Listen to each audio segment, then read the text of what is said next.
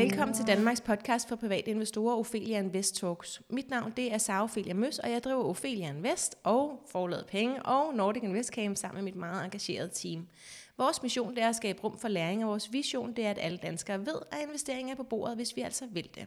Strukturen er, at vi udkommer ugenlig om fredagen, og podcasten var altid omkring 30 minutter.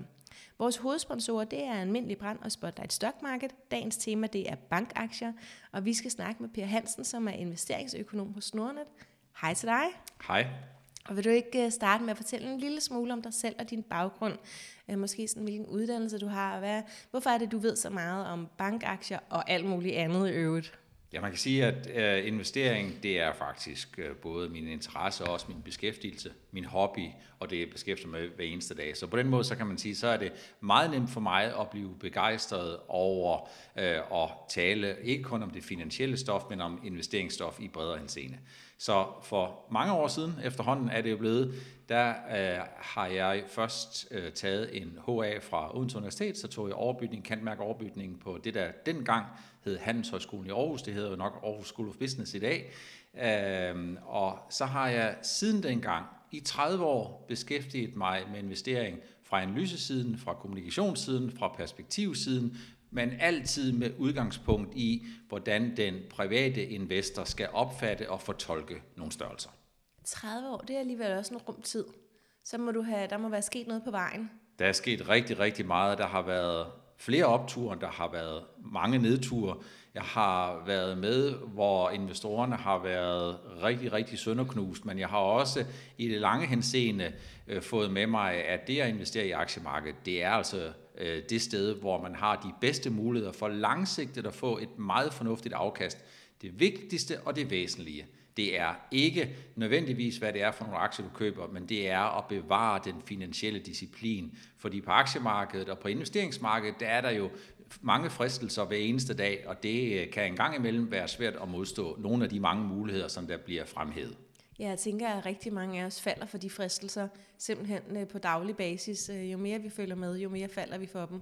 Ja, man kan ja. sige, sådan grundlæggende skulle jeg give sådan et enkelt hip-hop, så vil jeg sige, at man skal handle lidt, lidt mindre, og så skal man overveje lidt mere. Det er sådan, at rigtig mange har opfattelsen af, når de sidder og kigger på en investering, at det er prisen, som er den altafgørende, altså aktiekursen, som er den altafgørende. Men et tip, det kunne være, at i stedet for at bruge 90% af sin tid på at finde den rigtige pris, og 10% på at finde det rigtige investeringsaktiv, eller den rigtige aktie, så skal man lige vente den om, og så skal man bruge 90% af sin tid på at finde den rigtige vare, så man kommer ned i indkøbskurven. og kun 10 procent, den skal man bruge på at finde den rigtige pris. For hvem ved i øvrigt, hvad den rigtige pris er? Hvis man for eksempel i 2003-4 stykker havde haft mod til og var fremsynet nok til at have investeret i Apple, så ville man over de næste 10 år stort set have 100 doblet sin øh, investering. Og undervejs har der været masser af muligheder for ligesom at sige, nu er jeg ved at være træt af Apple, eller nu er Apple nok stedet for meget, eller nu kan den ikke stige mere. Altså de fleste af os ville være hoppet ud.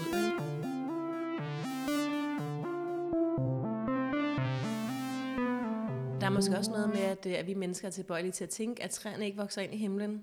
Og det gør de jo faktisk nogle gange på aktiemarkedet, fordi aktier netop stiger øh, 100 procent, og øh, nu siger du 100 øh, dobblet, og øh, altså så de her voldsomme øh, stigninger, det er måske mere, end vi egentlig kan kapere øh, og forudse. Ja, altså man kan sige sådan helt grundlæggende, det der driver, hvis jeg skal være helt, helt firkantet og meget ikke akademisk, så er det sådan, det som får nogen til at købe en aktie, det er basically forventningerne om, at det de køber i dag, det bliver mere værd i morgen. Mm. Det der får nogen til at sælge en aktie, jamen det er sådan set egentlig frygten for, at den værdi, der er der i dag, den bliver mindre i morgen. Yeah. Og så er der alt det indimellem. Men det, jeg ønsker at sige her, det er, at det, som styrer rigtig mange investorer, det er den næste forventede prisudvikling. Men det, der på rigtig lang sigt viser sig at være det mest investeringsgivetige, jamen det er jo, når vi finder en vinder, så sørg for, at smide dit nøglekort, så gammel er jeg, for jeg kan huske, man brugte sådan noget, men sørg for at smide din nem idé eller alle mulige andre ting væk, sådan så du ikke falder for fristelsen af og til at sælge din aktie alt for hurtigt, fordi vindere bliver ved med at være vindere meget, meget, meget længere, end vi har fantasi til at forestille sig. På samme måde,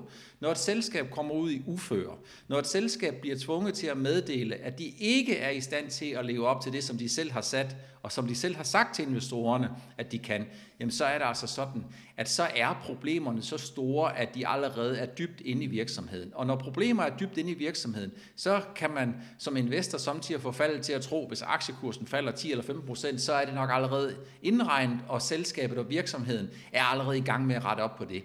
Udfordringerne, det er, at når først øh, ledelse er nødsat, ledelsen er nødt til, at til at fortælle, at det her, det går altså ikke, jamen så er problemerne, de er sådan en integreret del af dagligdagen, at de næste år, eller to, eller for den sags skyld længere, meget vel kan være det, der bliver udfordringen for investorerne.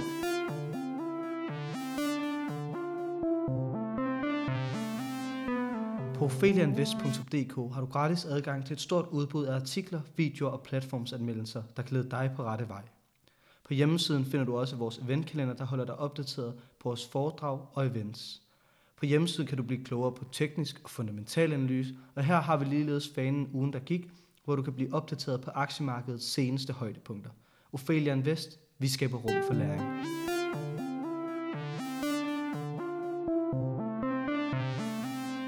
Kan du ikke starte med at give os et overblik over markedet for danske bankaktier? Hvem er store, og hvem er små? Jamen, man kan sådan, øh, jeg vil, jeg vil godt prøve at sådan groft inddele det i nogle grupper. Yes. Så hvis man kigger på de store, som er rigtig store, jamen så har vi i Danmark øh, to øh, banker, som er rigtig, rigtig store, hvoraf jeg, jeg tror, den ene bank vil opfatte sig som mere dansk end den anden. Men de to store, det er Danske Bank og Nordea, hvor Danske Bank jo opfatter sig nok mere dansk end skandinavisk, og Nordea er en stor dansk bank, men også en stor skandinavisk bank. Danske Bank er en lille smule større end Nordea øh, i Danmark, men det er i al væsentligt måske noget for fejnsmækkere, så det er de to aktier, de to selskaber, som er i den store gruppe.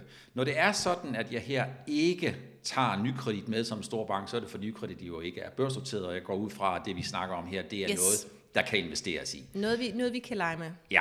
Så, ikke lege, undskyld. Nej. Nej, det er så, meget alvorligt med 90 procent. Øh, godt, videre. Ja. Så hvis Næste vi, kategori. Så hvis vi kigger kategorien lige, lige nede under de to helt store, jamen der har vi Jyske Bank, som øh, er den, den, den største af de mellemstore, og grunden til, at de øh, er den største af de mellemstore, jamen det er jo, at de for nu lidt mere end fem år siden købte BRF-kredit, som gør, at, øh, at øh, Jyske Bank er en pænt øh, mellemstor dansk bank. Jeg tror selv, at de vil kalde sig en meget stor bank. Det kommer lidt an på, hvad for størrelsesforhold man kigger på det. Ja, fordi jeg vil da også, tror jeg, have tænkt at putte dem op sammen med, med de store. Ja. Hvor stor er forskellen fra de store til de mellemstore? Ja, men det kommer lidt an på, hvor du, hvordan du definerer en bank. Om du definerer den som bank plus realkredit, eller du definerer den overvejende ud fra sin bankandel. Okay. Så hvis man kigger på det overvejende ud fra bankandelen, jamen så er Jyske Bank øh, en øh, dramatisk, hvis jeg må sige det sådan, mindre end okay. de to store. Hvis man kigger inklusiv realkreditaktiviteterne, jamen så er det sådan, at så ser billedet lidt øh, anderledes ud. Det er faktisk sådan, at Jyske Banks realkreditaktiviteter er ikke dramatisk mindre end de realkreditaktiviteter, som Nordea de har, altså i Nordea Kredit. Så i den henseende, så kan man sige, det afhænger lidt af, om yes. du siger bank og realkredit, eller Men om hvis du kun man slår det sammen og siger begge dele, så vil Jyske stadigvæk være nede i mellemklassen. Så vil Jyske stadigvæk ja. være en klar nummer tre, men de vil stadigvæk være noget mindre Godt. end de to helt Hvem har vi ellers i mellemklassen? Hvis vi sådan kigger på øh, niveauet under Jyske Bank, der starter gruppe 3, som jeg kalder det, og der ligger en række banker.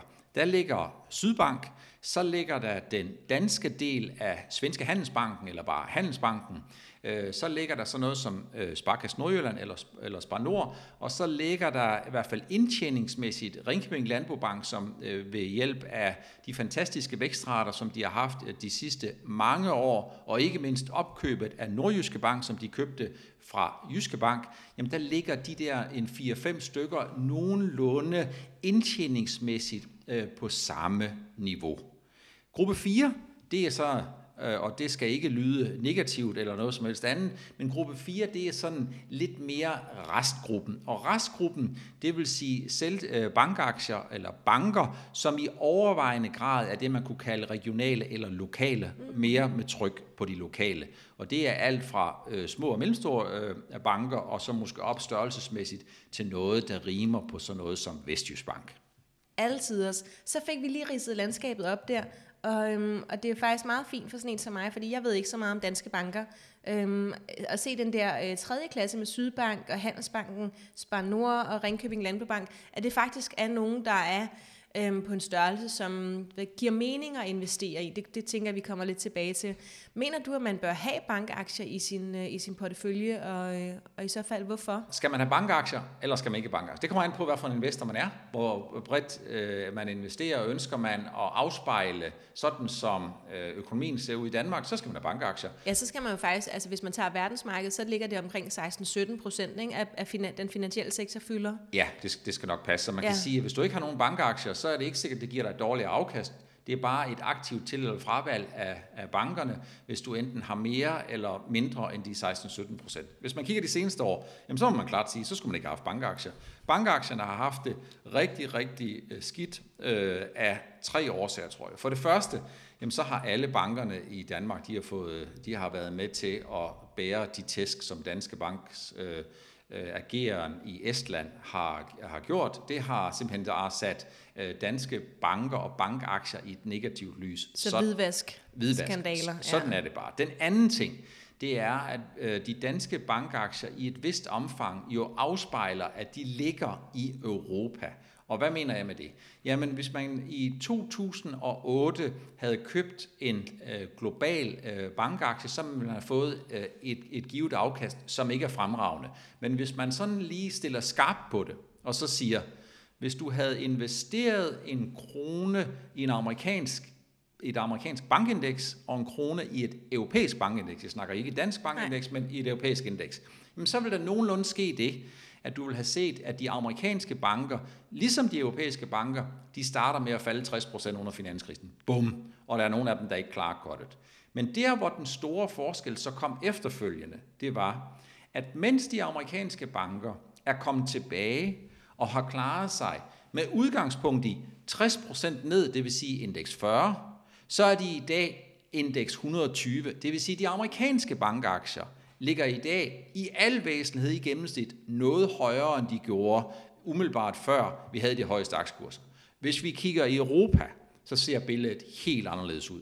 Så til, fra de indeks 40, hvor de amerikanske bankaktier er gået op til indeks 120, svarende til en tredobling, jamen der så man faktisk de europæiske bankaktier, de halverede, halverede altså fra indeks 40 ned til indeks 20, og så basically, mere eller mindre, så er de sådan set aldrig kommet op derfra. De er kommet lidt op, men i virkeligheden så står vi med en udvikling, hvor det at have europæiske bankaktier, og desværre også danske bankaktier de sidste 10-11 år, det har været en rigtig, rigtig, rigtig skidt forretning. Så skal man have bankaktier over en længere periode, hmm, det er der sådan set i hvert fald i de umiddelbare foregående 10 år ikke så meget, der egentlig tyder på. Det var årsag nummer to. Altså for det første hvidvaskskandalen, og for det andet, at vi ligger i Europa, hvor bankaktierne har haft det svært. Men der er også en tredje ting. Den tredje ting, som er fællesnævnen, ikke kun for de danske, ikke kun for de skandinaviske, ikke kun for de europæiske, men også for de globale banker, jamen det har jo været, at vi har set, at renterne er faldet rigtig, rigtig meget. En ting det er, at renterne er faldet meget, og det i sig selv har haft en, en negativ indflydelse øh, på den rentemarginal, som bankerne de skal leve af. Rentemarginalen er jo forskellen mellem bankernes indkøbspris på penge og bankernes udsalgspris på penge. Og når marginalen falder, jamen så falder uh, indtjeningen. Ja. Samtidig er der også sket det, at uh, myndighedernes krav til, at bankerne i meget større omfang, end det har været tilfældet tidligere, skal kunne finde ud af, hvem er du som kunde, hvor har du dine penge fra, og så videre, og så videre. Det, det har gjort, at samtidig med, at din bruttofortjeneste har været under pres, så er der også sket det, at man har skulle have væsentligt flere omkostninger til at sikre sig, at der ikke er nogen, der laver nogle forretninger, som de ikke har lovlig adkomst til. Marginalen, når du kigger på bankaktier, det er evnen til at forrente egenkapitalen. Hvis der er et nøgletal, som du skal fokusere på, Udover det, som de regulatoriske myndigheder fokuserer på med solvens og mm. din kapitaloverdækning og alle mulige andre ting, så når du er investor, så det afgørende nøgletal, det er evnen til at skabe egenkapitalforrentning. Og der er det sådan, at kigger du, øh, håber jeg ikke foregriver begivenhedernes gang, men kigger du på, hvem der har været gode til det, jamen så må man sige, at dem, der har været absolut bedst til det i Danmark, er de store og de mellemstore banker, jamen det er Ringkøbing Landbobank. De er helt i deres egen særklasse. Ophelia Invest Talks er sponsoreret af Spotlight Stock Market. Spotlight er markedspladsen, hvor investorer og vækstselskaber mødes. Hos Spotlight er det enklere og tryggere for selskaber at være noteret. Hvis man nu stadigvæk gerne vil have noget finans, er det så øhm, forsikrings, de danske forsikringsaktier blandet med nogle øh, globale bankaktier, man skal kaste sig ud i? Man kan sige, at billedet ser meget polariseret ud inden for den finansielle sektor. For hvis du, hvis du kigger på bankaktierne, så har det ikke været nogen, hverken nogen danske roser, det har i hvert fald været nogle roser med mange torne i at være investor.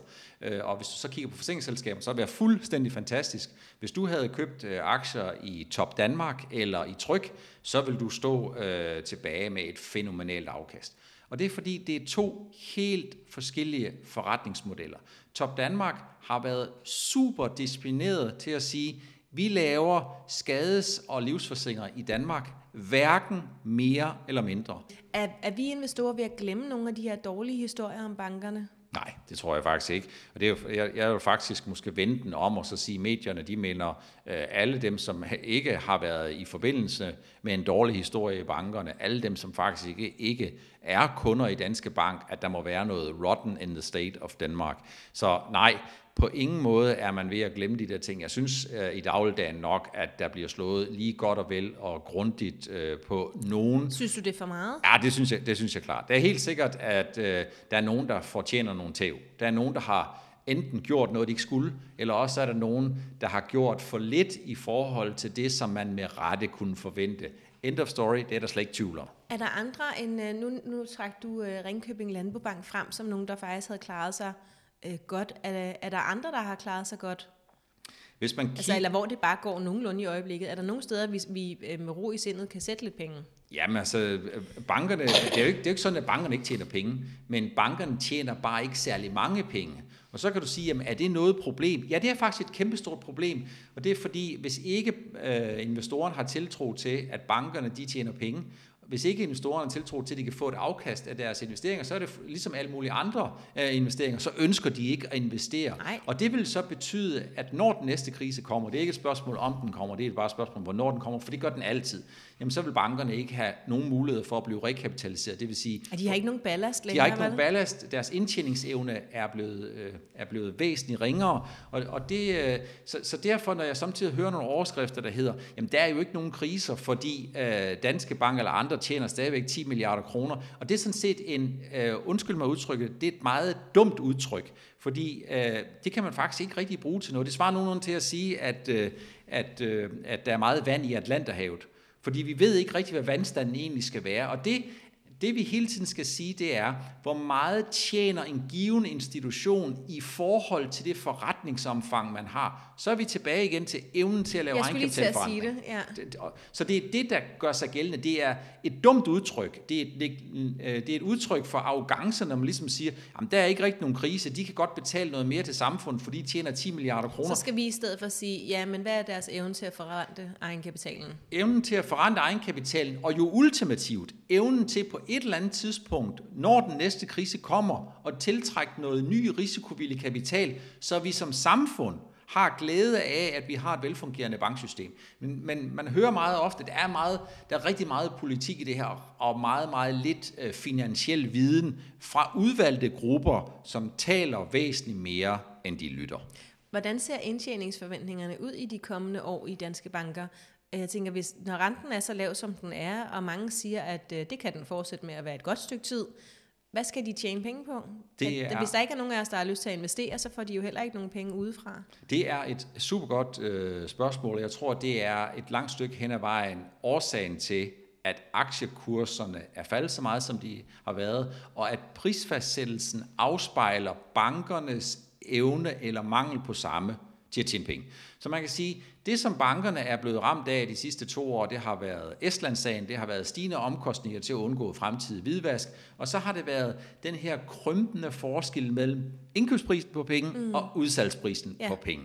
Så kan man sige, hvad, hvordan ser fremtiden så ud? Hvad så, ja? Jamen det, der kommer til at ske, for mig at se, uh, det bliver, at bankerne de er tvunget til at gøre to ting, uh, og Danske Bank er i gang, nemlig at digitalisere noget mere og reducere sine omkostninger. For modposteringen, hvis det nu det har været en T-skitse, i, øh, øh, når man skal lave regnskaber. Modposteringen til en faldende indtjening, jamen det er jo faldende omkostninger.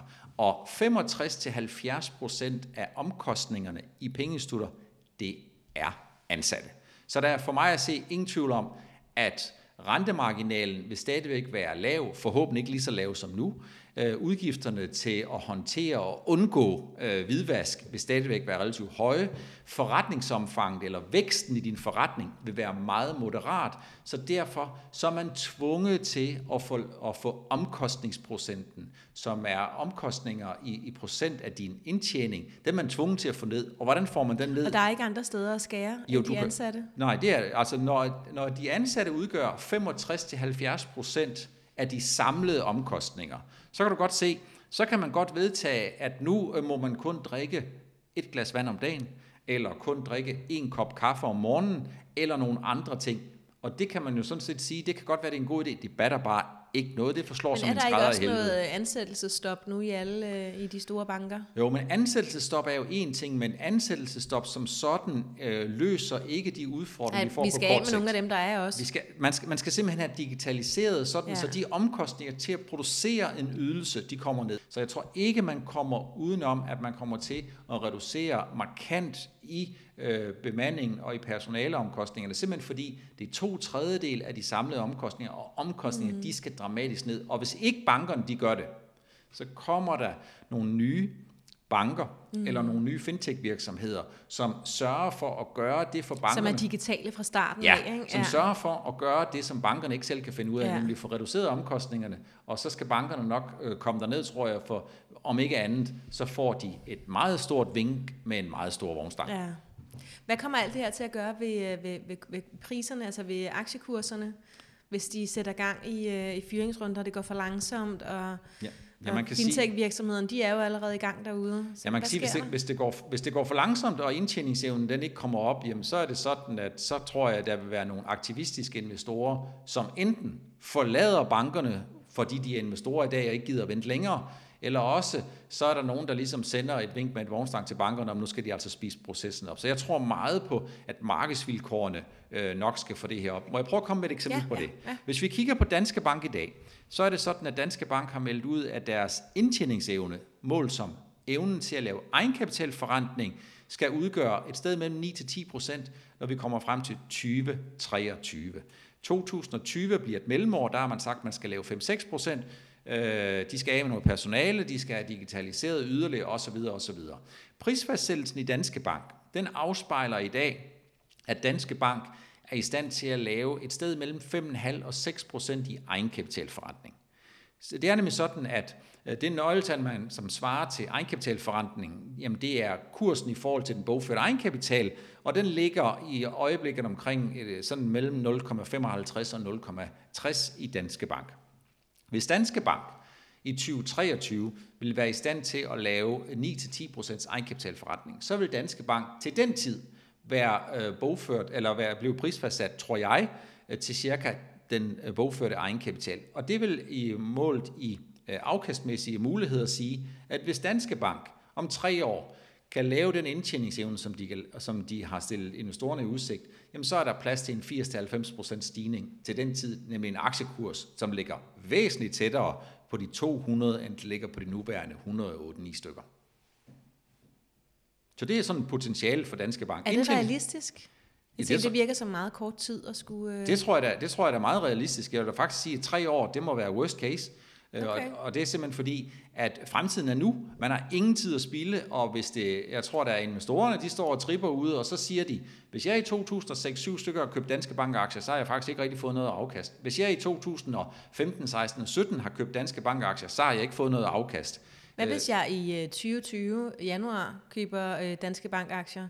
Jamen, kan ja. jeg så forvente en, en stigning i løbet af de næste tre år? Jamen det kan jeg da slet ikke forestille mig andet. For hvis ikke det sker, så er jeg ret overbevist om, at så vil investorerne, så vil de stemme med fødderne, og så vil de sige, nu stemmer vi altså den nuværende ledelse og den nuværende bestyrelse ud, og siger, jamen der er sikkert brug øh, for noget andet. Og det er simpelthen fordi en egenkapitalforandring på 5-6%, det giver ikke noget øh, øh, øh rigtig godt afkast. Og på den anden side, så er det også sådan, at når danske, de danske banker og hele verden igen løber ind i en finansiel krise af den ene eller den anden kaliber om et år, om to år, om et eller andet, så hvis ikke du forandrer dine penge bedre, så kan du ikke tiltrække egenkapital, som er aktiekapital, eller også så kan du heller ikke tiltrække dig fremmedkapital, altså de øh, investorer, som skal stille noget funding og ting og sager til rådighed.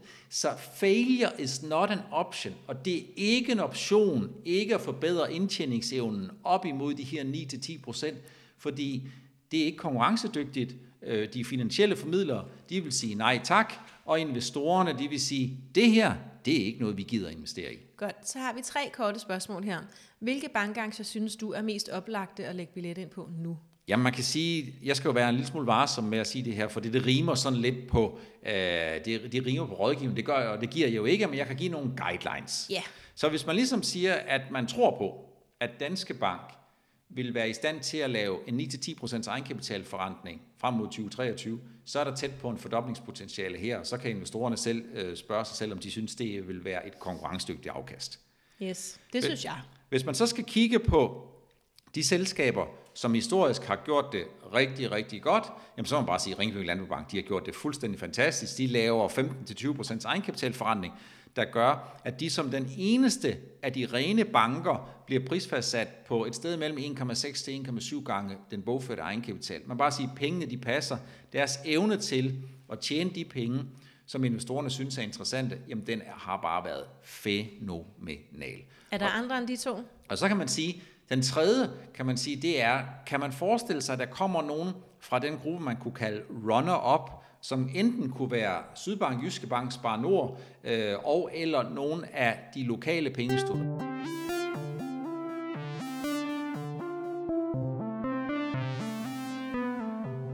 Spørgsmålet er, om Jyske Bank ikke skal til at tjene nogle flere penge. Om Jyske Bank ikke skal have tilpasset øh, sin omkostningsstruktur. Jyske Bank burde have muligheden for at tilpasse sin omkostningsstruktur til den virkelighed, som der er der nu. De burde have en rigtig god mulighed for inden for det næste par år at øge deres indtjening med 50 procent. Har du afslutningsvis øh, helt kort et par gode råd til de private investorer, som gerne vil være investeret i den danske finanssektor? Ja, man kan sige, at det helt afgørende, man skal kigge på, det er evnen til at lave egenkapitalforretning. Evnen Godt. til at lave egenkapitalforretning, den, øh, den bliver afspejlet i kursen i forhold til den øh, indre værdi. Og hvor er det, man ser det som, øh, som øh, ny eller bare lidt erfaren privatinvestor? Jamen, hvor de- kigger man? Det kigger man faktisk i regnskaberne, så går man ind, enten så er det faktisk sådan, at bankerne, stort set dem alle sammen, er så flinke at skrive egenkapitalforretningen. Godt, så de skriver det helt tydeligt. De skriver det faktisk helt og tydeligt. hvad skal tallet så være? Jamen, egenkapitalforretningen skal jo gerne være så høj som overhovedet muligt. Øh, om- Men kan den være 100? Nej, det kan den ikke. Så, den Godt. skal, Så hvad er rummet? Hvis, hvis vi skal kigge på udfaldsrummene, jamen så er den jo, øh, hvis vi starter med at sige, at, at nulpunktet er 0, kan man sige, og vi kun bevæger os i positive henseender, altså selskaber, der har øh, positiv indtjening, jamen så kan man sige, at der hvor bankerne er der i dag, Sydbank og Jyske Bank og nogle af de andre, de laver en 5-6 procents egenkapitalforretning, og Ringkøbing Landbobank, de laver aktuelt noget, der ligner en 15, 16, 17, 18 Og det stykker. sagde du var rigtig godt. 15, 16, 17, 18, det er fuldstændig fantastisk. 5 til 6, det er fuldstændig utilstrækkeligt. Okay, så vi har minus i den ene ende og plus i den anden. Ja. Altid også. Så, så jeg vil sige, et eller andet øh, om, omkring 10, så, så er det okay. Ja. Det var også det, du siger, at Hvis Danske man- Bank går efter. Ja, hvis man øh, år efter år efter år efter år kan lave 10% egenkapitalforretning, så kan du i virkeligheden sige, at så er det det, der danner basis for, at din aktie kan stige med 10%, fordi givet du har et fast forhold mellem dine input og dine output-faktorer, og du hele tiden lægger 10% oveni, jamen så er det jo egentlig det, der gør, at de 10% ekstra, der bliver tjent, enten kan blive konsolideret ind i virksomheden, de lægger dem i pengekassen, eller så kan de komme ud til dig i form af udbytter, og ellers så kan du lave en kombination af det og købe aktier tilbage. Så at det, det, er dit, øh, det er dit ene store gode råd, det er at kigge på egenkapitalforretningen. Ja, Godt. Tusind tak, fordi du vil være med velkommen. Du derhjemme kan følge Ophelia Invest på Facebook, Instagram og YouTube. Feedback er altid velkommen. Har du ris, ros og forslag, så send os en mail på kommunikationsnablag.opheliainvest.dk. Du er også meget velkommen til at give os en rating ind på iTunes. Du kan komme ind i Aktieklubben Danmark og Kvindelogien inde på Facebook, som er vores to store investor communities, hvor vi efterhånden øh, har snedet os op på 8.000 medlemmer. Du er også meget, meget velkommen til vores store festival, investeringsfestival Nordic Invest Camp den 28. marts, hvor vi bliver 1000 mennesker i 12 timer på tre scener med 60 oplægsholdere. Det bliver helt vildt. Prøv at gå ind på nordicinvestcamp.dk, der kan du se oplægsholderne. Og så er der bare tilbage at sige tusind tak, fordi du lyttede med.